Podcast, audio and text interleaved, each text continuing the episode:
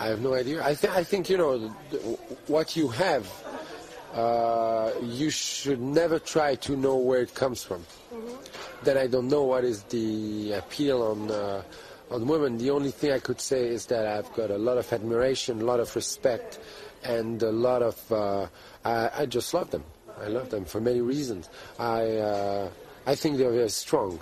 And as sometimes I'm very weak, then I'm waiting for the woman who will be able to carry some parts of my life. But I haven't found it yet. But uh, oh no, not yet. You know, it's difficult. I mean, true love, real love, to be able to love somebody, it's the, the most, uh, most fabulous and most uh, uh, difficult thing in life. But it's the better. It's the best. Yeah. It's really the best. Well, what's your ideal woman, let's say physically? Uh, I've got no. I've got no. Uh, she she could have uh, brown hair, uh, brown eyes, blue eyes. She could be pink. She could be. What matters to me is what she's got inside, more than the outside. I mean, if she's got both, if she's clever, if she's funny, if she's pretty. Thank you.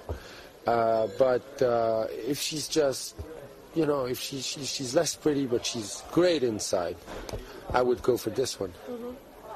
Listen, how about yesterday? You were surrounded by all these girls outside the cinema. Do you, do you like that? Yeah, I like it because it's part it's part of the job. You you have to do it. Then it's better to do it with a smile instead of thinking, well, I have to do it, then let's do it because they're nice those people. They're nice those people. You mustn't forget that if they are not there, there is no actors. There is no movies, there is nothing. Mm-hmm. Then and I've, I'm doing this I'm doing this job. I'm not doing it for me, I'm doing it for them. Then they are there. Then I give them what I can give them.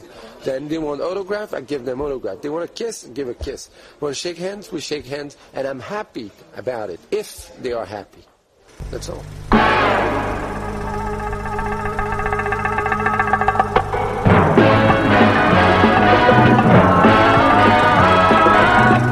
When it comes to entertainment, you can't beat a good film.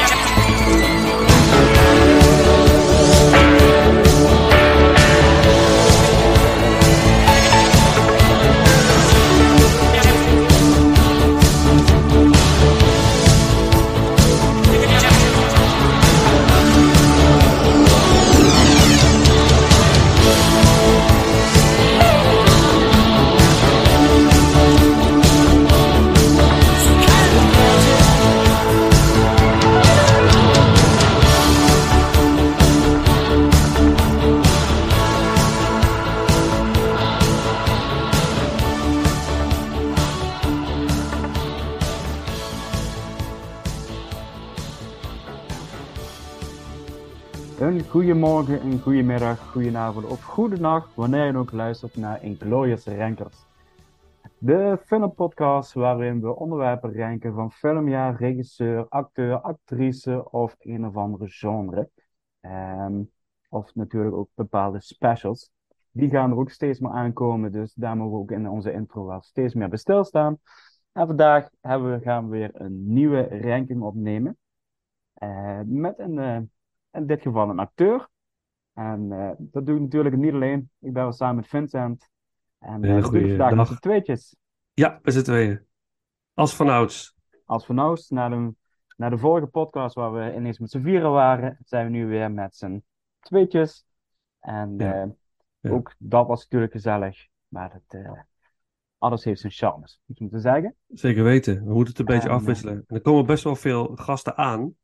Dat ook, Ook. nog. Eh, er komen heel veel podcasts met gasten. Dus het is wel leuk om af en toe zo even met z'n tweeën weer eh, aan te schuiven. En eh, ik laat een Vincent over om bekend te maken waar we het gaan over hebben vandaag. Als je natuurlijk de titel van de podcast nog niet gelezen hebt. Ja, daar- je, je geeft natuurlijk mij het woord omdat het mijn, mijn suggestie was. Dat klopt ook. Het is ja. niet een alledaagse suggestie, want niet een acteur die heel veel wordt eh, genoemd, benoemd. Eh, ik, ik was ook aan het kijken laatst op Spotify en op eh, podcastkanalen. Van, bestaat er een podcast over deze acteur? Dit is even een paar jaar geleden. Is iemand enthousiast begonnen met aflevering 1, maar niet verder gekomen dan aflevering 1. Zag Ja. ik ergens. O jee. Eh, dus er is wel een podcast met een interview met deze acteur, met Empire Magazine. Eh, heb nog even naar geluisterd. Een heel leuk interview trouwens. eh dus ik zeker aanraden om te, te beluisteren. Ehm, maar voor de rest, mm, nauwelijks. Nauwelijks. Er is op, op YouTube zijn er wel natuurlijk heel veel, veel filmpjes over deze acteur te vinden, maar ook niet echt in de stijl van eh, hoe wij het gaan aanpakken. Dus dat maakt het wel uniek wat we doen, zeg maar. En, eh, dus dat is ook wel weer leuk. Maar eh, dat wist ik niet voordat ik eh, eh, jou opperde om, eh, of jou vroeg of jij dit ook zou willen doen, of deze acteur zou willen ranken. En we hebben het over Christopher Lambert. Of zoals sommige mensen, Christopher Lambert. Maar het is Christopher Lambert natuurlijk, want het is een Franse, een Frans man. Maar opgegroeid in Zwitserland, geloof ik, of in Zweden. En ja, een man die in de jaren tachtig bekend is geworden.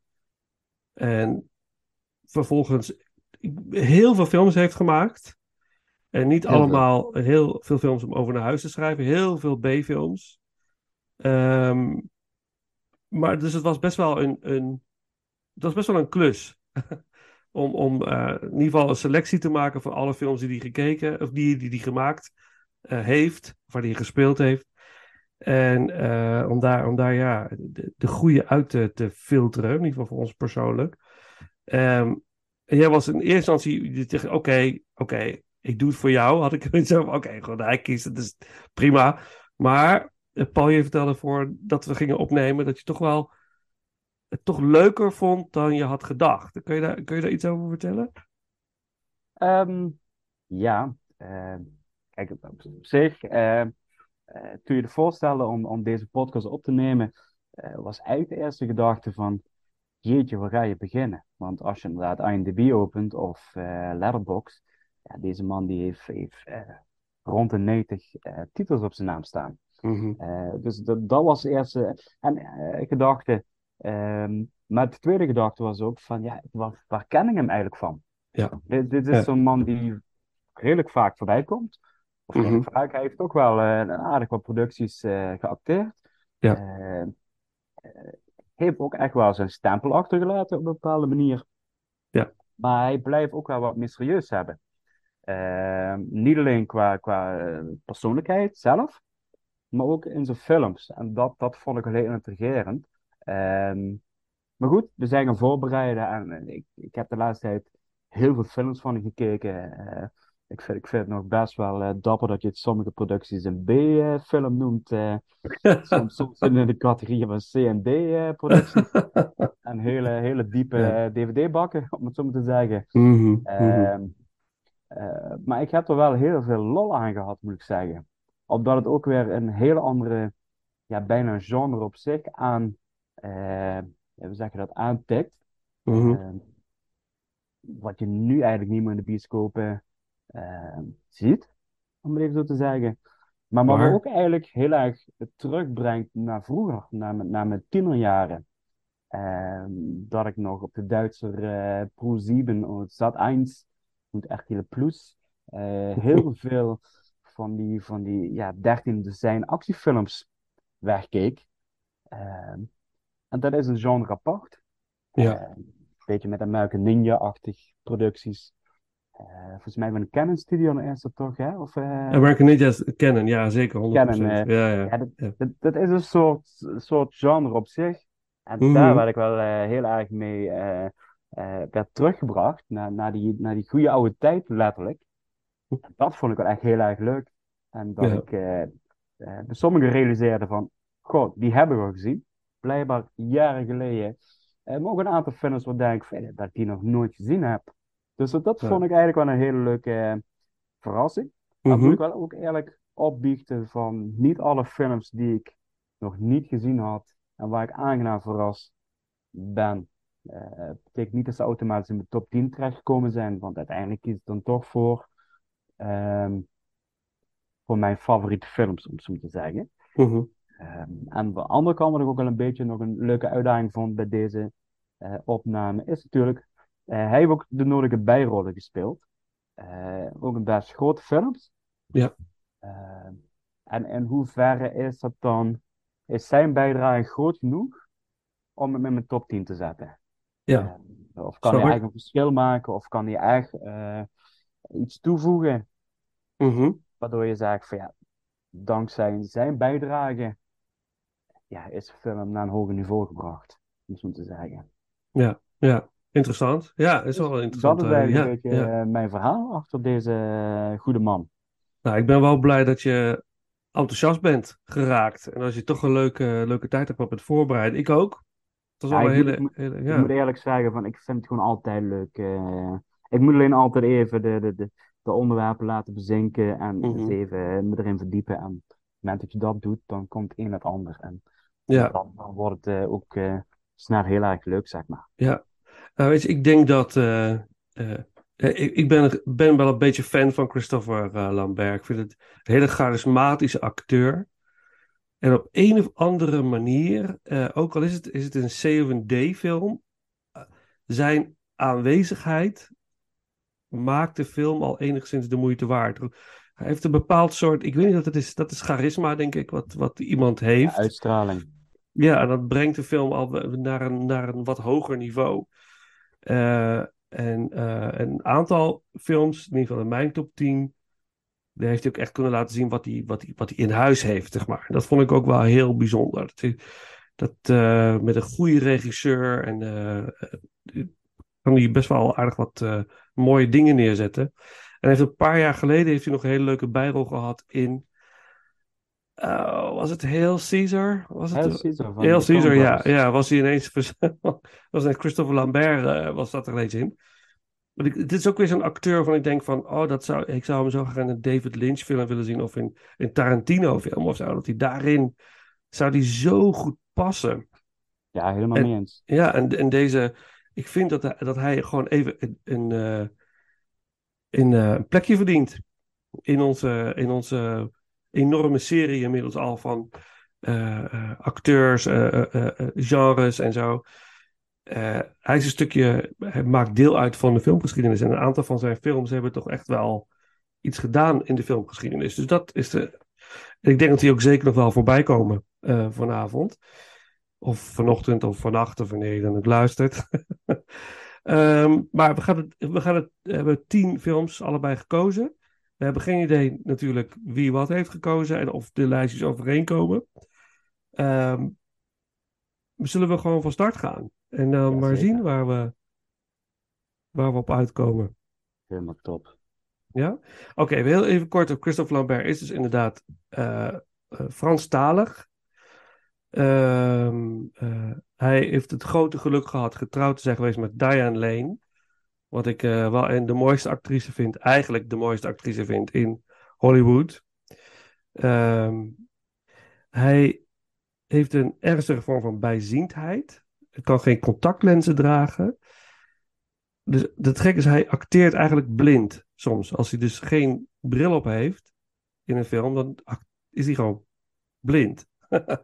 die, dat, die gedachte alleen al vind ik al heel eh, fascinerend eigenlijk. Dat hij dat dan... eh, misschien maakte dat ook wel een soort van mysterieus of zo. Ik weet het niet. Ik vond het heel, eh, heel apart. hij heeft om, wel eh, een hele, hele eh, aparte uitstraling. Ja. dat, eh, Ja. Ook, ook die blik in die ogen die je het zo zegt, denk ik. Ja. Goh, dat wist ik helemaal niet. Ja, Eh, ja, heel intense acteur is het. Ehm, maar goed, we hebben dus allebei tien films gekozen van hem. Ehm, ja, we gaan gewoon beginnen. Eh, zal ik hem aftrappen? Deze ja, keer? is helemaal goed. Ja? Ja. Oké. Nou, dan gaan we naar de nummer 10. Eh, en eh, ik heb ook allerlei aantekeningen, die ga ik ook even gelijk allemaal bijpakken. Ehm, mijn nummer 10 is eh, een film. Ik heb, al, ik heb al eerder over deze film gesproken. En dit kan misschien wel de meest gehate sequel zijn eh, uit eh, de filmgeschiedenis. Om eh, soms ook logische redenen, moet ik wel zeggen. Maar ik, vind, ik vind hem heel erg leuk. En dan heb ik het over Highlander 2, The Quickening. Ja, ik moet lachen, want ik heb hem ook op 10 staan. Heel goed, nummer 10. Oh, wat gaaf. Oh, Ja. dat, is, dat is leuk. Ja, dan kunnen we daar even over los. Highlander 2. Het vervolg natuurlijk op Highlander. Highlander is eigenlijk... Eigenlijk is Highlander zijn grote... Waar iedereen hem eigenlijk het meeste van kent. De eerste Highlander uit 1986. Eh, regisseur Russell Mulcahy en ehm, eh, Sean Connery als medespeler. Eh, en natuurlijk Clancy Brown als eh, eh, de Kurgan. Oh, Eh, nee, sorry. Ja, niet in deze, niet in deze, niet in twee, maar dan hebben we het over deel 1. Ja, nee, sorry. Ik was even niet op het letten. Er moest natuurlijk een deel 2 komen en die kwam er. En eh, wat, wanneer was het? 1991? 1990? 91. 91, ja. Opnieuw geregisseerd door Russell Mulcahy, maar in, dit, eh, in deze film ging de studio zich wel heel erg bemoeien met, eh, eh, wel onder andere met het script. En daar begon alle ellende al, want er was, er was een script en eh, die, moest, die werd herschreven tot groot ongenoegen van de regisseur. En ehm, wat heeft geresulteerd in afschuw van Christopher Lambert op de set, afschuw van Sean Connery. Eh, mensen wilden eigenlijk wilden ze de film helemaal niet meer maken, want het, het sloeg helemaal nergens op. En eh, ze deden het gewoon voor het geld. Sean Connery was de halve, halve tijd dronken eh, op de set. En de, het, was gewoon één grote ellende. Ruzie met de producenten. Het was, het was vreselijk. En eh, uiteindelijk heeft Mulcahy, oh, toen de film op VHS uitkwam, heeft hij een director's cut uitgebracht. De Renegade version. En daarom staat hij bij mij op nummer 10. Want die film heb ik ook gezien. Dus de director's cut. En die is echt heel erg leuk. Want alles wat slecht was aan de oorspronkelijke sequel hebben ze eigenlijk omgezet.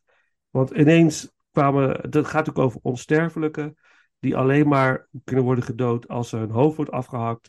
En als, als ze dan een mede onsterfelijke doden, krijgen ze een soort van de energie van die overledene over zich heen. En worden ze eigenlijk weer sterker en verjongen ze eigenlijk ook weer. Prachtig mooi concept. Dat was heel mysterieus in deel 1, maar in deel 2 hadden ze oorspronkelijk hadden ze op een andere planeet geplaatst. Dus dat die onsterfelijke van een andere planeet kwamen. En de planeet Zeist. Net als, ik zeg Ze- Zeist natuurlijk, maar Zeist. Vlakbij Utrecht. Precies. dat, is- dat is al heel gek als Hollander. Dus ik denk, oh, Zeist. Eh, maar dat, dat ging helemaal nergens over. Dat hebben ze helemaal aangepast. Zodat het eigenlijk nu een soort van. eh Zeist is niet meer de planeet, maar het is het verleden. En dat maakt alles net een beetje logischer. Eh, en in deze tweede film. ja, moet, moet McCloud, gespeeld door Christopher Lambert, opnieuw strijden voor zijn onsterfelijkheid en eh, strijden tegen een, een brute vijand. Maar daar mag jij zo meer over vertellen, want ik zag je al lachen als, als we daarover. eh, want zijn vijand in deze film is echt wel over de top fantastisch, moet ik je eerlijk bekennen. Eh, eh, ik ga je zo het woord geven, Paulo, maar de film ziet er. Ik vind de film geweldig uitzien. De sets zijn fantastisch. Het is een beetje grimmig, grauwe film. eh bruut, snoeihard af en toe. Hele rare humor zit erin. Het is allemaal heel vreemd. Maar ik vond het wel een feest om weer te zien hoor. Echt feest om naar te kijken. Dus daarom staat hij bij mij op nummer 10. Maar wat is jouw eh, visie erop, Paul? Nou ja, in eerste instantie was bij mij eh Highlander 2 komt niet in mijn lijstje. Dat eh, was inderdaad ook een beetje de gedachtegang van, ja, hij staat wel in de lijstjes van eh, slechtste sequels ooit gemaakt, zeg maar. Ja. Eh, ik heb uiteindelijk de afgelopen weken heb ik deel 2 herzien. En eh, ik realiseer me nu achteraf dat ik gewoon de director's cut heb gezien. Ah, en ik was het kijken en ik denk eigenlijk, ja, maar weet je, dit is eigenlijk gewoon een best een goede film. ja. Tuurlijk, hè, er zitten echt wel zaken in de film die, die discutabel zijn en waar, je- waar je echt wel op kunt vinden. En special effects zijn natuurlijk ook gedateerd, want we praten wel over 1991. Het heeft ook een bepaalde eh, aparte kruising van, het lijkt een beetje op Total Recall, het lijkt ook een beetje op Dune. Eh, allemaal een beetje eh, de, de grote bekende science fiction klassiekers, Robocop, eh, las ik ook eh, iets over. Allemaal referenties en allemaal ja, dat, sommige mensen zeggen, nou, als je, als je die drie grootheden bij elkaar in de kroeg zet en je laat ze samen een verhaal verzinnen, dan krijg je Highlander 2. Dus dat vond ik eigenlijk wel een hele leuke samenvatting. Ja, ja. Nou, ten eerste, de, de film kent gewoon echt een aantal hele goede actiescènes. Eh, van, van de bestorming van de, van de fabriek met de, met de waterbazet, zeg maar, en de, eh, de dam, zeg maar. Mhm. Natuurlijk de zwaardgevechten. eh Conor McCloud eh, eh, slijt zijn dagen als een oude man op de planeet Aarde. Want dat is wel iets wat ze, wat ze toch een beetje hebben vastgehouden. Ehm eh, hij wil eigenlijk gewoon, gewoon rustig sterven. Daar is hij eh, klaar voor. Totdat eigenlijk weer eh, andere onsterfelijken op zijn pad komen. En dat hij toch noodgedwongen zijn hoofd moet beschermen. En, ehm, ja, en hij wordt dan weer jong door. Dus hij, hij wordt eigenlijk weer teruggetrokken in de wereld die hij eigenlijk had verlaten, zeg maar. Ja, ja. Eh, The Quickening, dat is de, de subtitel van deze film. Refereert ook naar de, naar de bezieling. Naar het moment dat de persoon eh, de gave krijgt voor onsterfelijk te worden. Ehm, en ik, ik, ik, ik vind het wel eh, ja, het plezier wat, wat Sean Connery en Christopher Lambert samen hebben, zie je van het scherm af. Eh, dat was ook een van de eisen van Lambert, dat hij zegt van ja, ik wil wel dat Connery terugkomt voor deze tweede film. Eh, en dat, ook dat is gewoon leuk gedaan. Eh, er zitten een aantal hele ja, humoristische scènes in. Eh, actie is gewoon uitstekend. Eh, het verhaal technisch vind ik het oké. Eh, dus het is niet om naar huis te schrijven, maar prima. Er is meer dan wat op één bier, bierveeltje past, zeg maar. Ja. Ehm, en er was nog één ding. Nou goed, de, wordt gespeeld door Michael Ironside. Eh, die is inderdaad bekend van Total Recall onder andere en Starship Troopers en eh, Terminator Salvation. Ehm, ja, hij, hij speelde wel zo over de top, die slechterik, dat het gewoon echt heel erg leuk is, om het zo te zeggen. Hij is wel eigenlijk een ultieme bad guy, om het zo te zeggen. Ja. Ghana. Ehm, eh, dus het is, het is op dat gebied ook gewoon heel erg genieten. En de vrouwelijke hoofdrol was eh, Virginia Madsen. Ehm, dus er zijn best wel toch wel vier grote namen toen tijd voor dit sequel aangetrokken. Eh, en er zitten nog een aantal vooral bekende gezichten in. Ja. dus ze hebben echt wel de moeite gedaan om er hier een, een hele goede film van te maken. Ehm, dus ik was eigenlijk meer dan verrast toen deze film, toen deze weer op mijn beeldscherm voorbij kwam en dat ik zat te kijken. Ja, maar ik, ik snap de hele ophef niet, eh, waarom deze film zo negatief eh, wordt bestempeld. Maar goed, ik zeg er wel erg bij, van achteraf bleek dus inderdaad de, de, de, de director's cut te zijn. Ja, Eh, een kleine 110 minuten. Terwijl de studioversie iets van anderhalf uur. Dus ze hebben echt wel eh, 20 minuten toegevoegd. En dat is ook wel echt eh, te merken. ja, op heel veel manieren. ja, zeker. Ja, want die studioversie, dat, dat is echt geen goede film. Dat is gewoon echt een rommeltje. En, Ja, die eh, heb ik dus al heel lang niet meer gezien. Dus ik weet ook niet meer zo goed van of ze ook iets hebben veranderd met, met de chronologie van scènes. Of dat ze eigenlijk dingen overhoop hebben gegooid. Of ja, daar moet ik even over nadenken. dingen eigenlijk tussen gestopt gewoon, zeg maar. eh, of scènes Ja. uitgebreid. eh. Ja, ze hebben dingen uitgebreid en anders ge- volgens mij ook anders geplaatst. Oké. Maar dan zou ik, dan zou ik het weer, dat is ook wel een tijd geleden dat ik die versie heb gezien hoor. Want ik, ik heb voor deze ranking echt de director's cut weer En gekeken. dat deed me ook een beetje denken aan Dark City. Ja, het heeft heel erg die vibe. Dark Ja, City, eigenlijk- Dark, een beetje Dark Angel met Dolph Lundgren, Ja. weet je, die. Ja, of eh Die, The eh, Crow, dat hele Ja. beetje donkere gothic stijl, zeg maar. Ja, Zeker eh, als het op aarde afspeelt. Ja. En ik Ja. vond het eigenlijk, ja, nogmaals, ik vond het eigenlijk gewoon heel erg lekker om te kijken. En dat ik Ja. denk van, ja, maar dan wil ik hem echt wel vaker zien als dit het... eh, ik, ik, ik was eigenlijk oprecht dat ik denk, oh, dan wil ik deel 3 ook eigenlijk gaan kijken. ja, nou ja. Dat is een, dat is een ander verhaal, dat, dat snap ik ook wel. Maar wat ik eigenlijk wil zeggen is van. Ja, ja. Highlander stond bij mij altijd bekend als één goede film. En Mhm, de rest is eigenlijk meuk. Ja, dat kijk eens een Ja. keer omdat je het gezien wil hebben, punt. mhm. Ja, En ja, nu zit er eigenlijk gewoon een tweede goede, goede film zit erbij. Ja. En zoals bij meerdere goede franchises gaat, eigenlijk een film moet je warm maken voor weer een andere film op te zetten. mhm, mhm. En dat is iets wat ik gewoon echt enorm verrassend vind bij deze film. Wat gaaf. En de laatste, wat ik er eigenlijk over wil zeggen, dat ik Mhm. eigenlijk wel jammer vind van Highlander op zich, het gegeven, is gewoon eigenlijk enorm sterk. Ja. En dat ze er nog steeds niks mee gedaan hebben in deze tijd, eh, dat ik denk van, daarvan zou ik wel een soort ja, requel willen zien. Niet zo- zozeer een, een, een, een remake, maar wel een soort opvolger met bekende elementen, wat ze eigenlijk heel goed hebben gedaan met Scream, eh, met, met, met andere films. Ja. Eh, dat, dat je gewoon een hele goede opvolger van bijvoorbeeld deze twee films kunt maken. Ja. Met bekende elementen. En er zijn wel namen aan gekoppeld, maar dat, er is nog nooit echt realiteit. eh eh, Henry, Cav- eh, Henry Cavill is eraan gekoppeld. Ja, Superman. Ja. En eh Ja. Chad Stahelski, de man achter John Wick, de regisseur. Ja. Ja, ik, ik heb als die twee mannen gaan doen, denk ik, ja, prima, hier heb je mijn geld al. ja, ga je wel ja, kijken, ja. denk, dat wil ik zien. Dus Ja, er ja. ineens serieuze namen die hier aan gekoppeld zijn. Ja, maar ja, ik vind ook dat deze film verdient gewoon ook meer publiek. Mhm. In ieder geval die director's cut gaat gewoon doen. Want ja, en misschien dat die film ook wel eh, nu door de tijd heen beter is geworden of zo. Dat het, men verwachtte misschien in die tijd echt een soort van eh, tweede Highlander of zo.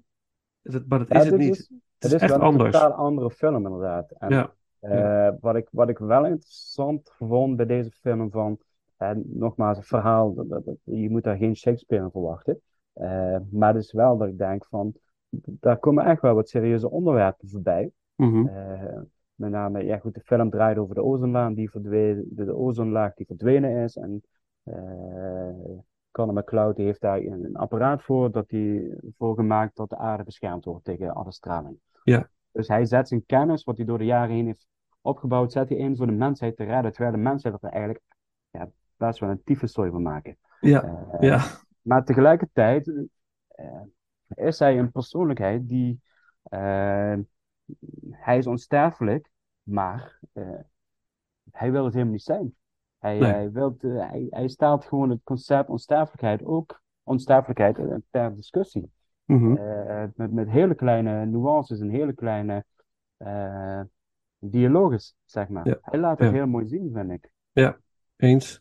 Ja. Eh, dat, dat vind ik wel, eh, dat ik denk van ja, deze films, er zit echt wel meer, meer diepgang gelagerd in dan we misschien in eerste instantie zullen zien als een simpele science fiction actiefilm. Zeker, zeker. Ja, ja wat, wat, wat betekent onsterfelijkheid, hè? Waar, waar, ga je allemaal doorheen als mens? Hoe Ja, hou je dat vol? Ja, het is, het is heel... eh, ja, op een inderdaad ook die, de scène dat hij met... met Virginia Madsen heeft. Dat hij vertelt over zijn echtgenoot die hij heeft gehad door de jaren heen. Het is een beetje cheesy scène, maar toch, er zit wel wat moois in. Ik denk van ja. En jij bent de volgende die hij waarschijnlijk ook zal weer moet, weer moet achterlaten. En dan maar weer door moet op een of andere manier. Absoluut, ja. Het, eh, ja, heel bijzonder, heel bijzonder.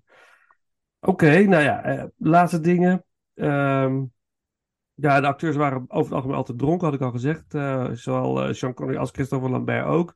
Die ging iedere avond eh, naar een of andere club. Was die vaste gast. Gedurende de negen weken dat die opnames duurden. Om maar eh, door, die tijd heen te komen. Het schijnt niet heel erg leuk te zijn geweest. Maar inderdaad, Connery en Lambert hadden echt heel veel lol.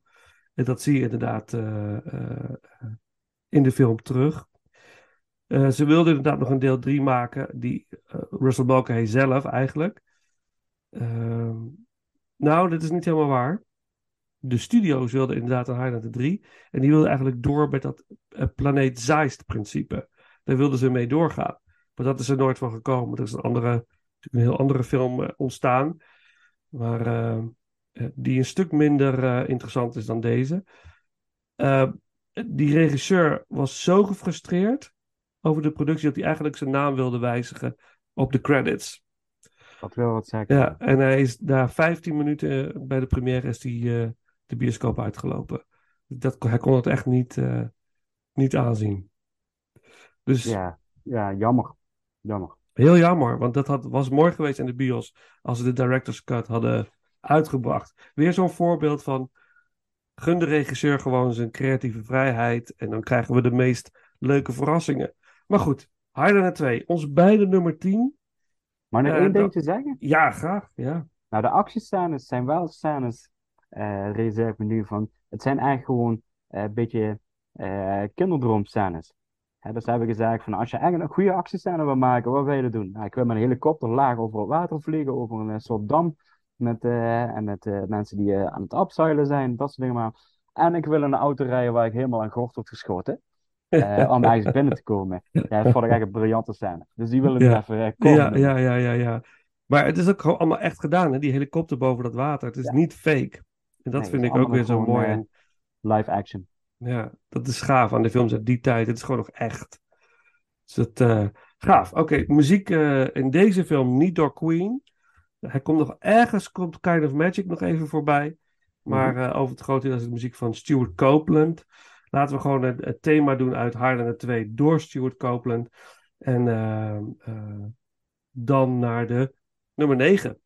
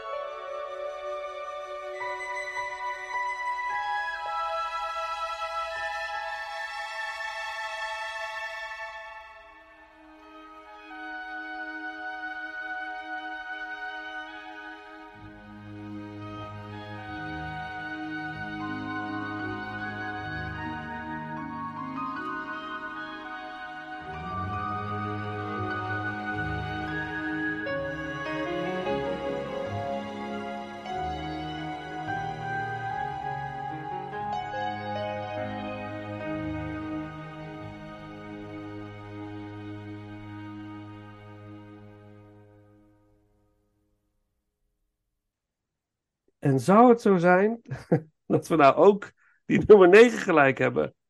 Dat zou, ik, ik- Denk maar- niet. nou, oké. Mijn nummer 9. Ik pak ook even mijn eh, aantekeningen. Mijn nummer 9 is een film die ik voor het eerst zag in deze, voor deze ranking. En ik was heel erg blij verrast. Ik had hem al vaker gezien. En ik van, nou, dat zal wel echt heel erg cheesy worden. Maar ik vond hem heel leuk. En dat is de film The Hunted uit 1995. Ehm, en eh, dat is eigenlijk een zeer soort American Ninja. Bijna niet helemaal natuurlijk. Ehm, eh, in deze film speelt eh, Christopher Lambert een zakenman die in, in Japan is. Nagoya, Nagoya. En hij, is een, hij ontwerpt computerchips. En hij ontmoet een heel mooie, mysterieuze eh, Japanse vrouw in de bar in, een, eh, in het hotel waar hij verblijft. En ze hebben een klik met elkaar. En nou, hartstikke leuk. En je voelt al de romance opbloeien. En ze hebben een hele leuke avond. En eh, ze delen ook wat intimiteit met elkaar. Nou, op een zeker moment gaat hij naar zijn eigen, naar zijn eigen kamer. En zij blijft achter. En er komen ineens ninja's. Die hotelkamer binnen waar zij eh, zit. En zij wordt ritueel eh, vermoord. Met een soort ninja-ritueel wordt zij om het leven gebracht. En net op het moment dat dat gebeurt, komt eh, Paul, Paul, ja, Mhm. zoals die heet in deze film, Christopher Lambert, komt die hotelkamer binnen, want hij heeft haar sleutel nog in zijn zak. En hij ziet dat, hij ziet het, dat het gebeurt. Eh, dat de ninja's haar, zeg maar, ja, eh, doden. En eh, nou, zij zien dat hij het ziet. Hij wordt ook neergesabeld, maar hij overleeft het. Maar op dat moment is hij, hij heeft een van de gezichten gezien van de moordenaars. En nu loopt zijn leven ook gevaar. Ehm, want ja, dat, ja hij, hij moet dood. Dat kan niet anders. En dat, dus He became de- hunted. ja, precies. En er wordt op hem gejaagd. Maar gelukkig wordt hij ook beschermd door een andere eh, ninja. Die ook weer een vete heeft met eh, eh, de baas van de ninja's die dat, die vrouw hebben vermoord. Uiteindelijk, wat uiteindelijk leidt tot dat uiteindelijk. Ik had verwacht dat het eerder zou gebeuren. Maar gelukkig gebeurde het pas in de laatste tien minuten. Dat Christopher Lambert zelf het ninja-zwaard ter hand moet nemen. om zichzelf te beschermen. En uiteindelijk het einde van de film te bezegelen. Ehm, super ver gezocht allemaal dit verhaal. Maar ik heb een onwijs leuke tijd gehad met deze film. Ik vond het heel erg gaaf. Eh, helemaal niet slecht geacteerd. John Lone en eh Joan Chen.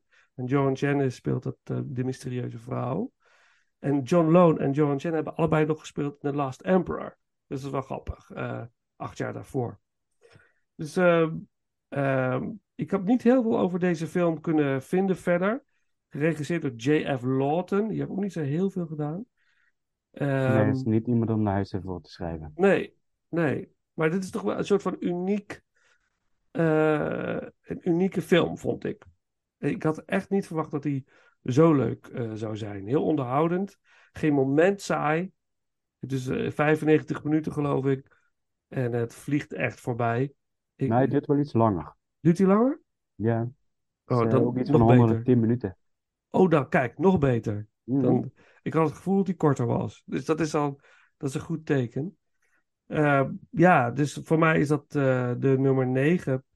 Eh, Christopher Lambert vind ik ja, charismatisch als altijd. Het is wel, ik vond het wel een beetje gek dat hij uiteindelijk dan de ninja wordt.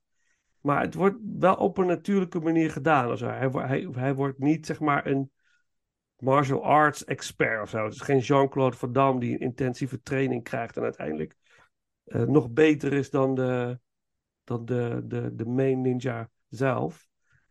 Nou, ze, passen toe, goed, eh, goed toe door, door eh, eigenlijk alle acteurs in, en karakters in de kracht te zetten. Ze laten de ninja de ninja's zijn, ze laten Ja. Christopher Lambert laten ze inderdaad Paul zijn. En, en, en, ja, en, en, hoe zeg je dat? de computerchips eh, ontwerper, verkoper, Ja. Ja. zakenman, laat ik hem even zo simpel benoemen. Ja. dus ze zetten iedereen wel gewoon van. eh, dus het is ook niemand die ineens superhelden dingen gaat uitvreten en daardoor eh eh, ongelooflijke waardigheid creëert, zeg maar.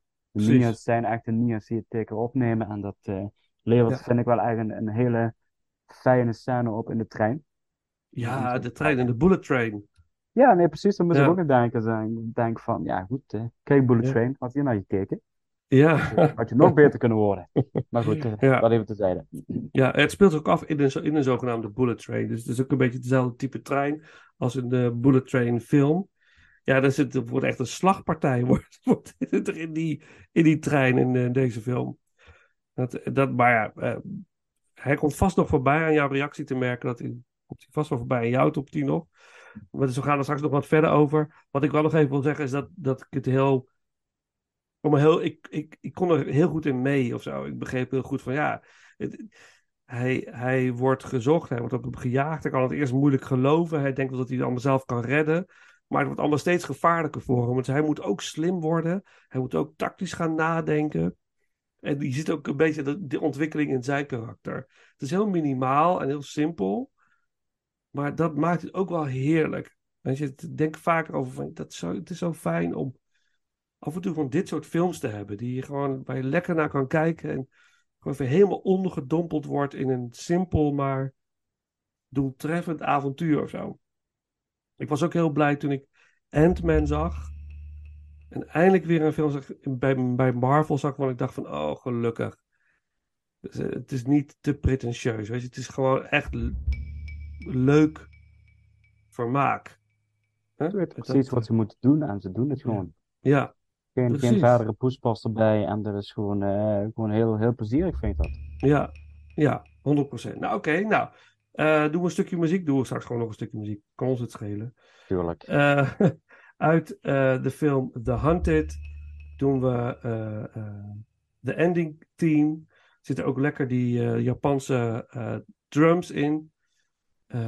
Muziek door Motofumi Yamaguchi. Om maar een naam te hebben. En eh, de, de, de, de drumpartijen door Kodo, de Kodo Drummers. Ehm, ja, en dan eh, jouw nummer 9. Ik ben heel benieuwd.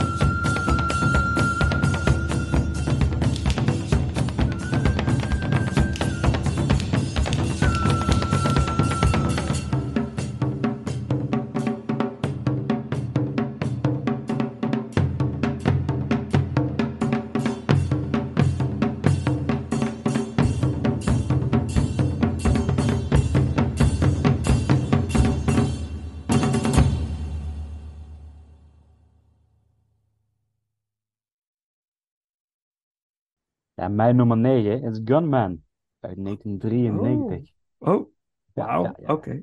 En dat, ehm ja, even een heel kort verhaal even neergezet van Christopher Lambert speelt eh, Danny. Eh, en Danny eh, is een, soort kruimeldief, om het maar even te zeggen. Ehm, zijn broer wordt vermoord door een drugskartel, omdat het drugskartel is op zoek naar een lading van 400 miljoen dollar. En die schijnt ergens verstopt te zijn eh, in Zuid-Amerika. Eh, en Danny zou de enige zijn die weet waar dat is. Nou goed, dat is natuurlijk ook wel een beetje een hamvraag die door de hele film een beetje speelt. Ehm, maar daarnaast wordt Danny ook nog opgezadeld met een undercover agent, Parker, gespeeld door Mario van Peebles. Ehm, en dat- dat levert eigenlijk gewoon een hele leuke bodycop movie-achtige constructie op. Twee mensen die tegen wil en dank eh, met elkaar zitten opgescheept. Eh, heerlijke humor, prima actiescènes. Deze film duurt inderdaad anderhalf uur. Je gaat zitten en het is, echt verstand op nul. En eh, ja, echt gewoon oprecht genieten geblazen. Waarom die bij mij op nummer 9 is gekomen, heeft eigenlijk met sentimentele waarde te maken. Ik heb deze film jaren geleden gezien. Eh, hij is me altijd op één manier bijgebleven. Dus toen ik inderdaad, eh, toen deze ranking gingen maken, was het wel een van de films waarvan ik dacht van, oh, die wil ik weer opnieuw gaan kijken. Dus je had voor mij al zo'n streepje voor dat ik denk, ja, maar, oh, die was toen zo leuk. Dus ik hoop dat hij nog steeds zo leuk is gebleven. Eh, en dat, ik vind dat hij best goed de tijd heeft overleefd. Ehm, eh, wat ik op zich ook wel een heel leuk vind, en dat ken je wel een beetje van. Hij is geschreven door Steven Sommers, deze films. En Steven Sommers is later verantwoordelijk geweest voor films als Deep Rising, The Mummy and Mummy Returns en Mhm. G.I. Joe. Of The Mhm. Rise of, of Cobra, geloof ik. Ja. Eh, in elk geval hele leuke blockbuster films heeft die man gemaakt. En eh, het is dezelfde stijl, qua, qua humor, qua actie. Eh, dus dus, dus op het top zijn films, om te zeggen, ondanks dat hij hem niet geregisseerd heeft.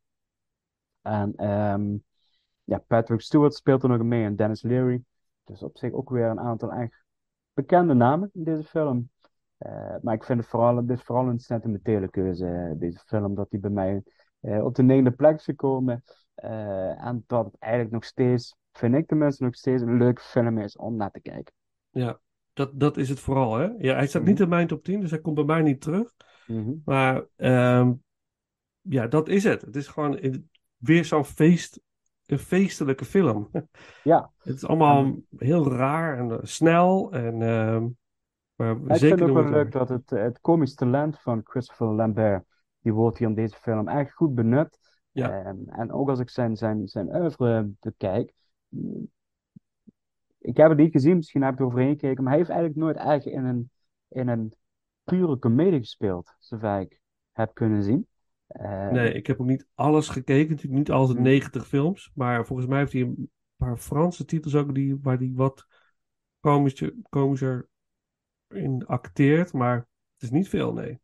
Nee, en hij heeft echt wel een, een, een, een, talent voor komische eh, zaken, zeg maar. Hij heeft echt een hele fijne timing en ook eh, eh, uitstraling. En hij weet dat echt heel goed te doen. Ja. Eh, dus, dat, eh, dus daar ben ik eigenlijk wel een beetje verbaasd over dat men dat nooit gezien heeft. Of dat ze eigenlijk, misschien heeft hij nooit de kans gekregen om, eh, dat, dat speelt natuurlijk ook mee in Hollywood. Dat je, je moet maar net het, eh, het gegeven krijgen of ergens de voet tussen de deur. Want als je Zeker. eenmaal een bepaalde rol hebt gespeeld, eh, dan blijf je vaak in die hoek zitten. Dat is ook Ja. wat andere acteurs ook vaak last van hebben. Ja. Ja. dus ik, ik, vond, ik vond het eigenlijk een verrassing dat ik denk van, hij heeft echt wel een komisch talent, eh, deze man. En dat ik denk 100%. van, en hij weet het eigenlijk in al zijn films, weet hij altijd wel een, een bepaalde zin of een scène, weet hij altijd wel een bepaalde ja, komische punchline te geven, eh, waardoor het gewoon beter wordt. Hij heeft dan, Ja. denk ik, dan toch het talent en hij krijgt dan ook die ruimte van de regisseur om dat te doen. Eh, hij weet net op dat ene moment van. eh, en hij had het ook bij de Hunted, je, het was in, de, in de trein was ook zo'n scène. eh, dat, dat hij eigenlijk op een hele gordroge manier geeft hij gewoon. Analyseert hij gewoon de situatie dat het eigenlijk gewoon fucked up is op dat moment. Ja. Maar ja. hij zegt het dan op zo'n komische manier en zo droog. Ja. nee, daar zat ik ook echt aan te denken van ja. Het is niet echt eh top hier waar we hier zitten, zeg maar. eh. Nee, nee. nee. Ja, de, de, de- hij heeft soms een beetje zo'n cynische blik, kan hij hebben. Ja, cynische blik en hoe hij het uitspreekt. Ja, ja, Eh, ja. dat, dat, dat zit echt wel, ja, hij heeft daar wel een heel fijn komisch talent. En dat, dat vind ik in deze film echt wel naar voren Ja. komen, zeg maar. Ja, maar dit is echt zo'n eh, eh, jongetjes eh, ehm, eh, op, een verjaardags, op, op een verjaardagsfeestje film, film kijken als je twaalf bent of zo. Dan kijk je Ja, dit. absoluut. Ja, ja, ja, Redelijk veilig Ja. allemaal, om het even zo te zeggen. ja. En heel vreemd grappig. Op een, ook een beetje, beetje gek soms. Ja. Dus het is, het is geen lethal weapon, is dat niet. Maar het, het is wel ja, super gaaf dat hij bij jou in de top 10 staat trouwens. Dit is een, dit is een film voor de, voor de Canon. Als je van Canon Group films houdt. Is, Ja. dit, dit zou een, eh, een bovengemiddeld goede Canon film zijn. Zoals Mhm. Delta Force of zo. Zo'n soort, eh, Precies. zo'n soort film. Ja, leuk. Ja, heerlijk. Nou, wat muziek dan maar. Eh, Kid Frost, onder andere. het nummer Bite the Bullet. Goeie titel ook. Ja, dat, dat zegt al genoeg gewoon. Dat is prachtig. Oké, nou. Dan gaan we naar de nummer 8. En misschien zouden we die gelijk hebben. Ja, ik vraag me toch bij iedere titel nu af. Staat hij er bij jou in of niet? is Van één zal, weet ik het wel zeker dat hij erin staat. Maar voor de rest is het nog maar echt maar de vraag. Van alle 90 titels. Well, the only reason I broke your flat ass out of jail was because your rich brother shared a little secret with you. And you're gonna share it with me. Hey, you don't know who you're messing with, amigo. Bite the bullet, bite the bullet.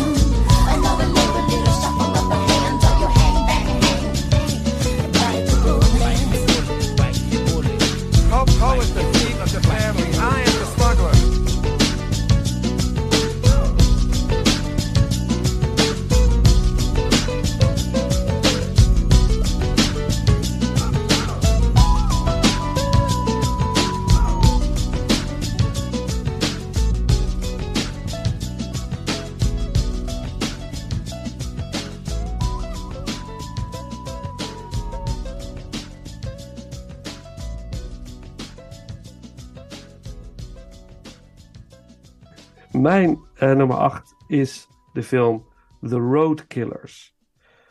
Oftewel Road Flower. Zo wordt die, is die volgens mij in eh, Europa uitgebracht. Staat niet in mijn lijstje. Niet in jouw lijstje? Nee, ik heb hem wel gezien. Ja, oké. Oké, nou mooi. Dan kunnen we daar wat. eh, goed dat je hem gezien hebt, in ieder geval. Roadkillers. Dit, ik, ik hou sowieso erg van dit soort films. Het is een film à la The Hitcher. Ehm, eh, en ik moest nog het meest denken aan een andere film die volgens mij in hetzelfde jaar ongeveer is uitgebracht. Eh, maar deze, dit is een, een, een eh, gedeeltelijk road movie ehm, uit 1994 met David Arquette, Josh Brolin, Craig Sheffer, die, al, die spelen allemaal nog een rol in deze, in deze film. En Christopher Lambert is een vader van een tienerdochter. En hij samen met zijn vrouw en eh, een, een vriend van hem. En het zoontje van, eh, van deze vriend. eh, hebben ze een roadtrip. Dus ze zijn op weg ergens naartoe. En ze gaan rijden op een weg in een woestijnachtige setting. En ze krijgen te maken met road terrorism, terrorisme op de weg. Opgeschoten figuren die gewoon erop uit zijn om mensen te terroriseren, iets los te maken en dan vervolgens eh, ermee spelen. En dat, en dat leidt, kan leiden tot de dood. En dan op een of andere manier, maar in ieder geval de leider van de groep maakt het niet zoveel uit. Of lijkt het niet zoveel uit te maken dat iemand sterft. Ehm, ze krijgen daarmee te maken. En het kind, die jongen, dus de zoon van de vriend van Christopher Lambert in deze film, wordt bijna doodgereden door dat groepje. En ja, en die eh, vader die zegt, ja, dit ga ik niet over mee laten lopen. Dus die gaat de confrontatie aan. Dat had hij niet moeten doen, want hij wordt op een gegeven moment van de weg gereden. En eh, komt klem te zitten in zijn auto. Zijn auto vliegt in de fik. En hij verbrandt eigenlijk eh, levend voor de ogen van zijn kind en zijn beste vriend, Christopher Lambert. Die vervolgens eigenlijk ook uit is op wraak. Nou, dat leidt tot, tot, de, ja, tot een ramp. Want zijn vrouw en dochter worden ontvoerd. En, eh, dat, en, die, en die jongen. En hij moet ze gaan zien. Hij moet ze zien te redden. Uit de klauwen van deze roadkillers. Ja, dat is niet zo makkelijk. En dat is in, in basis het, eh, het verhaal. Het is heel erg. Het is klein, bruut. Soms best wel ongemakkelijk om naar te kijken. Er zitten een aantal hele ongemakkelijke scènes in. De dood van de man is best pittig. Ik denk van zo. Mhm. Hallo zeg. Dit is wel even int- heel intens goed geacteerd ook. Ik was eigenlijk ook helemaal door verrast. Eh, en deze film, wat ik die doet me heel erg denken aan de film Breakdown met Kurt Russell. Het is eigenlijk hetzelfde soort formule. En eh, volgens mij uit hetzelfde jaar, als ik me goed kan herinneren. Van film trouwens. Breakdown is geweldig. Ja, Ja, echt. Ja, top. dat, is echt, ja dat is echt de betere versie van deze eigenlijk. Een beetje unhinged ook van de laatste jaren. Ja, Zoals Unhinged. Ja, ja, The Hitcher. Weet je, die, Ja. dat, dat soort, eh, daar, die categorie. ja. Daar valt hij onder. Eh, en wat ik, ik vind Christopher Lambert gewoon ook heel sterk in deze film. Ik vind hem, eh, ja, hij is de held. Maar tegen wil en dank. En, maar ook iemand die je toch wel flink, het flink te verduren krijgt. En dat doet hij goed, vind ik. Eh, maar de film wordt wel, de, de, de, eh, de film wordt wel gedragen, vind ik, door Greg, Greg Sheffer. Dus de, de grote, echte grote slechterik. En dat, doet hij echt wel fantastisch. Want de- die, die bad guy, die leider van die gang. Ja, dat is gewoon een verknipte persoonlijkheid. En dat, dat, dat zijpelt er doorheen. Hij is niet te vertrouwen. En er zijn momenten in die film dat je zelf als kijker denkt van... Zou dit... Is hij nou wel of niet te vertrouwen? Gaat hij nou... Snap je? Er zit, zit een moment in dat je denkt van... Nou, volgens mij valt het allemaal wel mee. En dan doet hij toch weer iets waardoor het dan... Oh nee, toch niet. Het is toch, toch de bruut die we denken dat hij is. Dus ja, ik vond het een hele, een hele sterke film. Een heel fijne film om naar te kijken. Ja, mee eens. Ja, Ja, mee eens. Eh, ik zeg, hij staat niet in mijn top 10. Ehm, komt er eigenlijk omdat dat, dat ik andere films graag eh, een plekje wilde geven. Ehm, Ik heb hem ook gezien. Het is van dezelfde regisseur van eh, Gunman. Ehm, dus eh, dat is wel een leuke link met mijn nummer 9. Ehm, Mhm. Inderdaad, eh, Craig Schaefer speelt echt waanzinnig goed. Ja. Dat ik eigenlijk dacht van, ja, die man, eh, hij is vooral eh, was een beetje kinderacteur is volgens mij geweest vroeger. En eh, hij is eigenlijk nooit echt doorgebroken als volwassen acteur. En dat is eigenlijk wel jammer, want hij laat echt wel zien dat hij wat kan, zeg maar. En dan Zeker weten. zeggen dat hij nou de nieuwste Brad Pitt gaat worden of iets dergelijks, of Ryan Gosling. Ehm. Maar hij verdient wel meer dan hij nou gekregen heeft, om zo te zeggen. Ja, eens.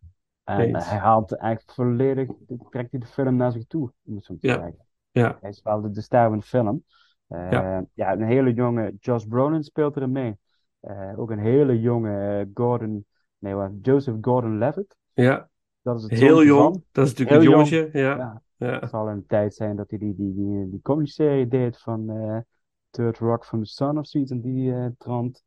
Mhm. Ehm, maar dat is, ehm, ja, ook, ook, ook dit was eigenlijk gewoon een aangenaam filmpje voor een avond om te kijken. Met een beetje verstand op nul en ga met die banaan. Ja. Eh, dus het is zich ook niet veel aan toe te voegen. Nee. Dat ik op zich wel nog enigszins verrast ben door toch wel veel bekende namen die in deze film eh, meespelen. Dat, eh, en toen ik het ging opzoeken, dacht Ja. nou, er zit toch echt wel behoorlijk wat namen in deze film. En allemaal mensen die aan het begin staan van een nog grotere carrière. David Arquette, die ook wel. Hij speelt een beetje een soort licht verstandelijk gehandicapte autistische jongen. Mhm. Heel apart figuur, ook een beetje raar. Ze zijn allemaal een beetje raar. En Josh Brolin, die. Dat is eigenlijk een beetje de goeie in het geheel. Die wil eigenlijk goed doen, maar zit noodgedwongen vast in de situatie waarin hij zit. En daar probeert hij uit te komen, maar hij is ook helemaal confused. Doet hij ook goed. Het is gewoon een, een hele, een hele goede. Ik vond het een hele goede film. En eh, Christopher Lambert was de grote naam. En eh, ja, hij, hij redt het. En de confrontatie uiteindelijk tussen hem en Sheffer vind ik wel. eh, Vond ik wel heel cool. Ja, absoluut. Echt Absoluut, gewoon eh. precies wat je wil. Weet je, Mhm. de film delivered. Weet je, de- dat zet je lekker op. zijnde waar je dochter wordt ontvoerd, want daar gaat het eigenlijk om. Precies. Eh, snap ik volledig dat hij dingen doet. Ja, toch? En, Ja. eh, ja, omdat, moet ik wel eerlijk zeggen, dat de politieagent aan de andere kant ook niet echt veel doet. Nee. Eh, dat ik denk, dat geeft ook niet echt vertrouwen in justitie. Nee. Dat we Nee. maar zeggen. De Nee. Amerikaanse justitie in dit geval. Dus Ja. eh, Ja. prima, leef je uit. Helemaal, eh, je hebt helemaal gelijk. Ik zou, als je hem niet gezien hebt, eh probeer hem ergens op te sporen en eh, te kijken. Het is niet zo gemakkelijk te vinden, deze film, maar hij, het is absoluut de moeite waard. Je kunt hem vinden onder The Roadkillers of Road Flower, eh, 1994. Een stukje muziek, de end credits door Les Hooper. En dan ben ik heel benieuwd naar jou.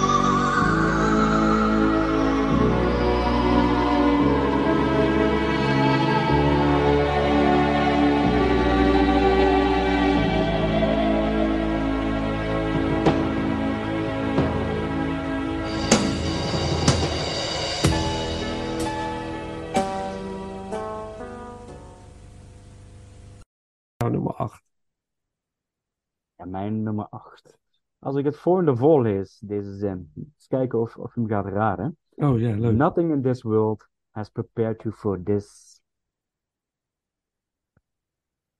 Oh, dan moet ik even heel diep naar. Is het Mortal Kombat? Yes. Ja. Fatality.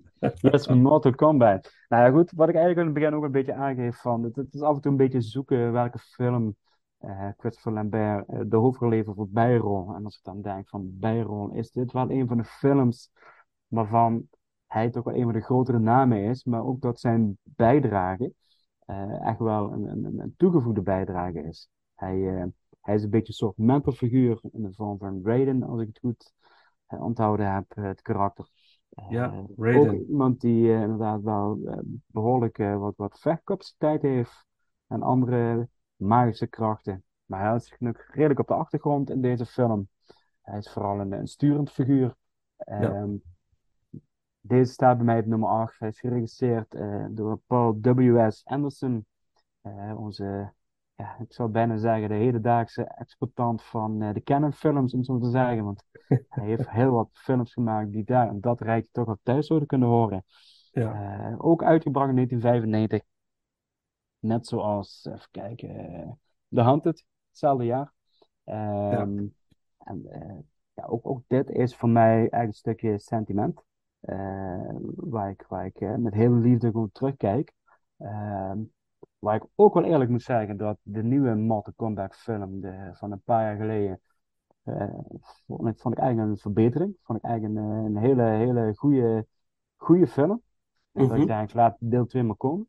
Want dit, dit, Ja. is, dit heeft gewoon die, die, het sentiment en de, de vibe en het, alles wat in 1995 mogelijk was om dit soort films te maken, ja, heeft het gewoon optimaal gedaan, zeg maar. Dus ik, eh, eh, ik kijk, deze film kan ik altijd wel met plezier kijken, zeg maar.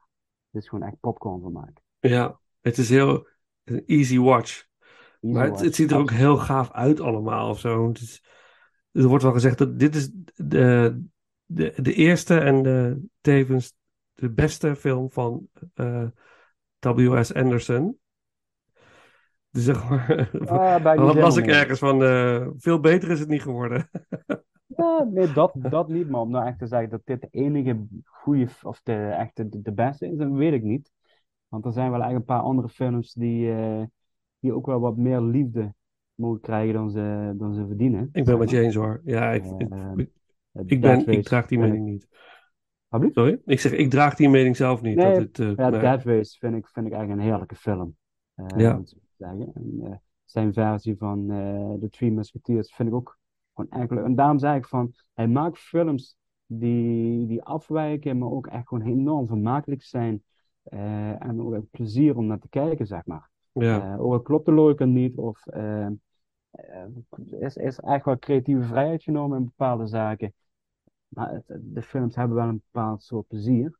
Ja. En, en dan heb ik het inderdaad niet over zijn laatste film, de Monster Hunters. Dat, dat was wel een film die ik, die ik zelf echt teleurstellend vond. Welke was dat? Sorry? Monster Hunters. Oh, Monster Hunters. Jij hebt het niet gezien. Nee. Nee, Ja, bespaar de tijd maar. nee zal ik doen. Ja. Dat was wel een uitgeleider ik dacht van... Dat, dat, dat was echt zo'n film waar je denkt, oh ja, weet je, monsters, eh, actie, wat kan nu fouten gaan? Nou, genoeg. Eh, Ja, dat ja. ik denk van, eh, ik heb toen op Netflix gekeken en zelfs toen dacht ik bij mezelf van, oh mijn god, wat zit ik hier mijn tijd te verdoen? Ja, ja. Ja. Dit- dit- dat was een lelijke uitleiding. Maar niet Mortal Kombat. Laten we even teruggaan naar, Ja, deze, Mortal eh, Kombat. naar dit pareltje. Ja. Eh, Christopher Lambert met witte haren. En een Ja, mooie, hij- mooi hoedje. ja, het deed me ook een beetje denken als gewoon een oudere Highlander. ja. Zo'n zo'n zo'n zo'n mythisch, statisch figuur. Die, die zijn strepen en zijn littekens verdiend heeft. En precies weet wat hij doen moet. Dus dat, dat vond ik wel heel erg chic. En eh, ik, ik vind, ik vind ook, een- een- een- hij past gewoon heel goed in deze rol, vind ik. Eh, Ja. Hij doet, doet het gewoon echt heel erg goed. eh, eh, hij is, hij is, tuurlijk wordt hij gekozen voor zijn naam. Dat, dat, dat, dat is een feit. Ja. Maar daarnaast ehm, eh, past hij wel in de rol, zeg maar. Hij is niet alleen maar voor zijn naam gekozen. Nee, ze hebben echt wel nagedacht van. eh, niet omdat we toevallig een acteur kunnen krijgen die toch wel enige status heeft. Laten we dat dan maar doen, zeg maar. Ik denk ook niet dat het succes van deze film echt alleen door hem eh, kwam. Nee, Natuurlijk nee, door. Mortal Kombat zelf. Ja, Dus het was een hele succesvolle ehm, eh, ondanks de felle kritiek die die film al kreeg, was die enorm druk bezocht in de bioscoop. Ik nog dat ik met mijn broertje naartoe ben gegaan. Die was helemaal fan toen. Eh, ja, dat was wel een, wel een happening toen die film vond. Dat weet ik nog Mhm. wel. Ja, gaaf. Ja, ik vind hem nog steeds ontzettend leuk om te kijken. Ja. Hij staat niet in mijn top 10. Dus, dat, eh, dus hij komt alleen nu voorbij. Ja, tof. dat is ook weer Tof dat heel... wel nog een plekje gekregen Ja, heeft. dat vind ik, ben ik ook heel blij om. Dat is dus Mortal Kombat. Zullen we een muziekje doen? Ja, lekker. Eh, ja, het is echt lekkere muziek. Echt een beetje techno, house. Ja, kan eigenlijk maar één, één liedje kan daar maar eigenlijk voorbij komen, hè? Mortal Kombat. Precies. De track zelf, ja. Dus die gaan we doen. Ehm, en dan eh, de nummer 7.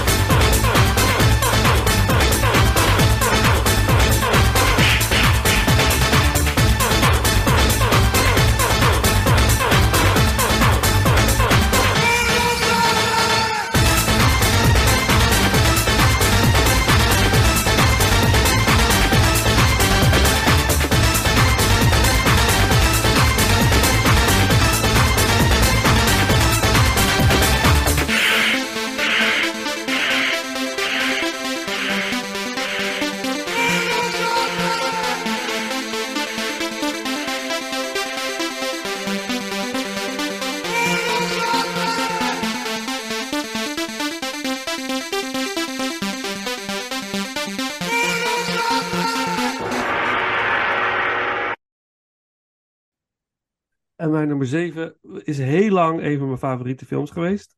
Uit de jaren 90 überhaupt. Maar als, toen ik weer terug zag, dacht ik van ja, dat komt eigenlijk alleen maar door één ding. Dat is gewoon Diane Lane. dat is eigenlijk... Maar ehm, eh, op nummer 7 staat Night Moves. Uit 1992. En eh, Night Moves is een, een film over een serial killer eigenlijk. Hè? En, eh, en, ehm, en eh, Christopher Lambert speelde deze film een, een schaakmeester die op een grote, eh, op een grote hoe zeg je dat, een tournament, een, wat is het Nederlands woord? Een toernooi. Toernooi. Ja, ja. En, Nee. ja. en hij heeft eigenlijk een, eh, een eh, stiekem affaire met iemand, een hotelmedewerker waar ver, in het hotel waar hij verblijft. En hij ziet haar ook thuis en eh, zij wordt eh, vermoord. En eh, hij is verdacht. En de politie komt naar, naar het hotel om hem te ondervragen. En hij ontkent, hij ontkent eerst ook dat hij haar überhaupt kent. Dus dat maakt hem eigenlijk nog meer verdacht. Want de politie heeft al lang in de gaten dat eh, hij iets met haar eh, heeft. Eh, maar er worden meer mensen vermoord om hem heen. Dus het heeft iets met hem te maken. Maar uiteindelijk wordt wel duidelijk dat hij het niet is. En de vraag is dan, wie is het wel? Wie is die moordenaar die hem zo dwars ligt? En natuurlijk wordt dat heel mooi uitgespeeld. Er komt een hele mooie climax. Uiteindelijk, eh, toen ik hem voor het eerst zag, had ik echt niet verwacht dat het eh, die persoon zou zijn. Dus dat eh, vond ik ook altijd wel heel leuk in dit soort films. De Who Done It, dat dat toch nog een beetje verrassend is. Het is een, het, het- ik vind deze film vooral heel gaaf uitzien. Het is heel mooi gefilmd allemaal. Het kleurgebruik is gaaf. Het heeft iets, iets heel moois, ook iets heel grauws. Eh, en ja, Diane Lane maakt alles goed in deze film, vind ik. Want ik vind het zo verschrikkelijk mooie actrice. Dit is toch echt in haar, eh, haar jonge jaren. En zelfs nu ze een stuk ouder is, vind ik haar nog steeds bijzonder mooi. eh. het is ook, ook gewoon een hele goede actrice, los daarvan. Dus dat, en die twee hebben natuurlijk ook wel echt chemie met elkaar. En ze waren ook getrouwd in die tijd. Dus dat, dat zie je ook wel aan de film af. En verder heeft hij een hele goede cast. Verder eh, de Tom Skerritt, eh, die natuurlijk altijd wel eh, goed werk levert, zit erin. En Daniel Baldwin. De, ja. Ja, ont, onthoud het goed aan mensen. de broer van. Het ja, volgens mij de jongens zijn ook tenminste onbekende, toch? Ja, maar dat snap ik ook gelijk toen ik deze film zag. Want ik vond het echt totaal niet geloofwaardig wat hij deed in deze film. Hij was een beetje de bad cop. Hè? Tom Skerritt is de good cop en hij was een beetje de bad cop. En hij probeert eh, eh, eh, degene die Christopher Lambert speelt eigenlijk uit de tent te lokken, hem uit te dagen. Hij wil iets van hem loskrijgen, maar het gaat op zo'n gespeelde, amateuristische. manier. Dat, Ja. dat verpest eigenlijk een groot deel van deze film. En dat is jammer, want ik denk als ze daar iemand anders voor hadden gecast, die dat subtieler had gekund. Ik denk bijvoorbeeld aan een Brad Pitt, bijvoorbeeld, in zijn jonge jaren. Mhm. Had het, was heel gaaf geweest. En dat, dat was vuurwerk geweest, denk ik. Want Christopher Ja, Lambert zelf absoluut. is aardig op dreef in deze film, vind ik. Het doet me dan daar een beetje denken, en dat mag eigenlijk niet in vergelijking komen met deze film als Seven. Waar je dus eigenlijk heel mooi Morgan Freeman hebt als, als de, de rustig bedeesde eh rechercheur met, met de jonge eh, hond eh, Brad Pitt. Dat is eigenlijk een beetje wat deze film alleen een stuk slechter wordt uitgevoerd. Met name Ja. door Adam, nee, niet, Daniel Baldwin. Ja, precies. Ja, ja. Komt u nog terug bij jou? Ja, Oh, oké. Dan kunnen we er straks nog wat Kan. verder over. Dan, ehm, moeten we er straks verder over door. Maar ja, even kijken wat de regisseur, wie de regisseur ook alweer is van deze film. Carl Schenkel. Oh ja, Carl Schenkel, ja. Die had, heeft ook een aardig repertoire, volgens mij. In ieder geval die de moeite waard is. Ik ga het even erbij halen. Dat had ik hier ergens. Ja, volgens mij één of twee films die nog, afgezien van deze film, de moeite waard zijn om te kijken. Eh, ik heb er toen wel naar gekeken. En dacht van, oh goh, als hij toevallig voorbij komt, dan zal ik hem kijken. Maar Ja. er zit voor mij op zich geen film tussen waar ik nu denk, oh, die, die wil ik, ga ik even opzoeken of eh, iets dergelijks. Ehm, even Poroshenko, ja. kijken. Eh, oh, hier staat hij. Zwitserse regisseur. Zijn connectie misschien met Christopher Lambert. Nee, ik zie niet direct even Ja. eh, Mighty Quinn TV-films heel veel zie ik. The Mighty Quinn inderdaad. met Denzel Washington, een hele jonge Denzel Washington. Ja. En Mimi Rogers. Oh nee, dan vergis ik me hoor. Het verschrikkelijke Tarzan and the Lost City. Nou, hou maar op. maar, Oh ja, Eh. met Casper van Dien. Ja. Eh, doe maar niet. Nee, nee, nee.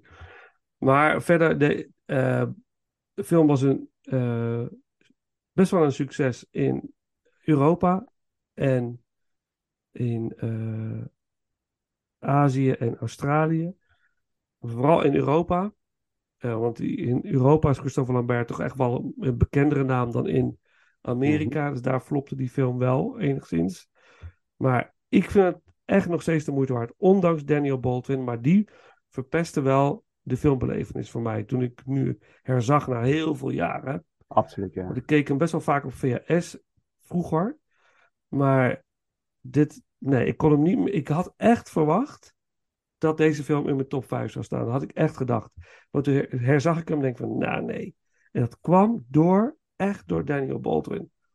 Dat, dit, iedere keer dacht ik, gadverdamme, dat is niet, ik, er is niet die, die, die spanning die er moet zijn, is er niet. Nee, dat Dus klopt. dat, eh, dat klopt. Dus vandaar. Maar we gaan het straks nog verder over hebben. Dan Mhm. wat eh, muziek uit Night Moves. Eh, De main theme door Anne Dudley. Eh, en dan eh jouw nummer 7.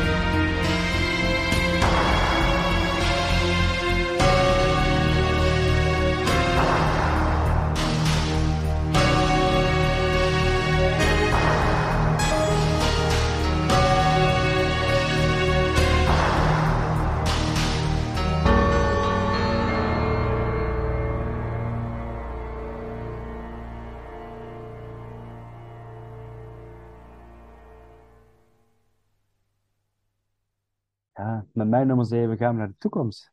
Oh, 2013. aha. Ja, dat zegt dan een film, zullen we zeggen. Ja. Maar eh, Fortress. Aha. Ja, Fortress van eh, Stuart Gordon. Deel Uit, 1 eh, of deel 2? Eh deel 1, sorry inderdaad. Het zijn twee films. De eerste film heb ik het over. Uit 1992. Ehm, het, de film speelt zich af in de verre toekomst 2013. Dus dat we even weten hoe het er ook uit had kunnen zien. Ehm, is het jaar waar, eh, of de tijd waar en eigenlijk wordt gezegd dat iedereen maar één kind mag krijgen. En eh, eh, Christopher Lambert speelt John.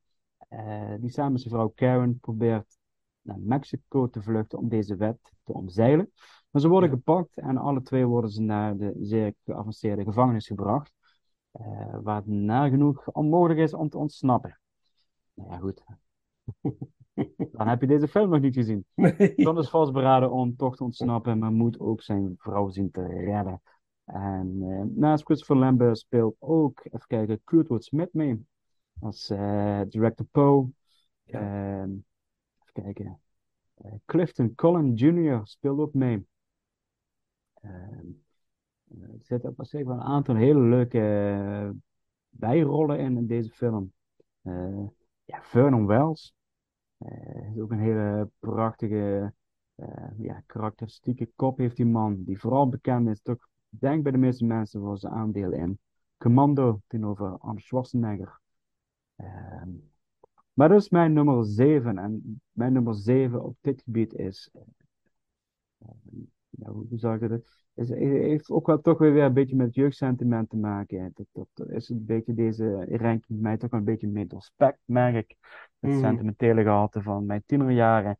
Ehm toen op tijd heeft die film best veel indruk op me gemaakt. Ehm, bij het herkijken is het allemaal wat minder geworden. Eh, maar er zitten wel wat, echt een aantal hele leuke en ook vooral gore scènes in met exploderende lichaamsdelen en dat soort zaken allemaal. Ehm, en ook een leuke twist, wat ik eigenlijk helemaal vergeten was, eh, wat betreft eh, de, de director, om het zo te zeggen, director Poe. Mhm. Ehm, ehm, ja, het maakt eigenlijk gewoon een, een leuke ontsnappingsfilm, om even zo te zeggen. Ehm, met, met, met gewoon leuke scènes. En het duurt inderdaad anderhalf uur. Leuk tussendoortje. En ik Ja. vond ook eigenlijk weer, dat was ook weer zo'n titel dat ik denk van, ja, hij moet eigenlijk wel gewoon in mijn lijstje voorbij komen. Eh, ik vind het eigenlijk te jammer om hem niet te benoemen, laat ik het zo zeggen. Ja. Dus eh, vandaar mijn nummer 7, The Fortress. Nou, we gaan het er straks nog verder over hebben, want er komt natuurlijk zeker natuurlijk ook nog eh, bij mij voorbij. Fortress, dat doen we. zit, zit, ik heb weinig muziek kunnen vinden uit deze film. Er is wel wat, dus we hebben wel wat. En ehm, we gaan even in de, op de klassieke tour. Want er is een moment dat een stukje van Bach wordt eh, gespeeld in de, in de ruimte waar onze grote slechterik zich bevindt. Uitkijkend eh, via tv-schermen op de, op de prison, op de, op de gevangenis. En eh, dat nummer, of dat stuk muziek heet Die Kunst der eh, door eh, Johann Sebastian Bach. Even wat anders.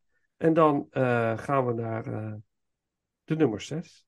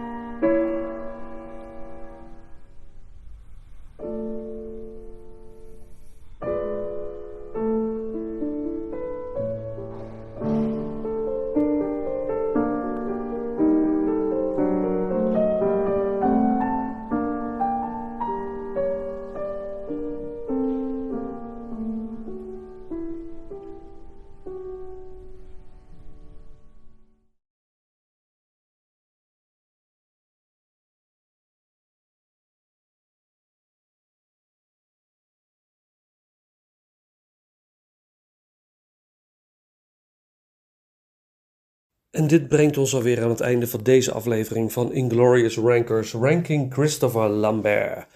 Ehm, natuurlijk zijn we ook benieuwd naar jouw favoriete films van Christopher Lambert.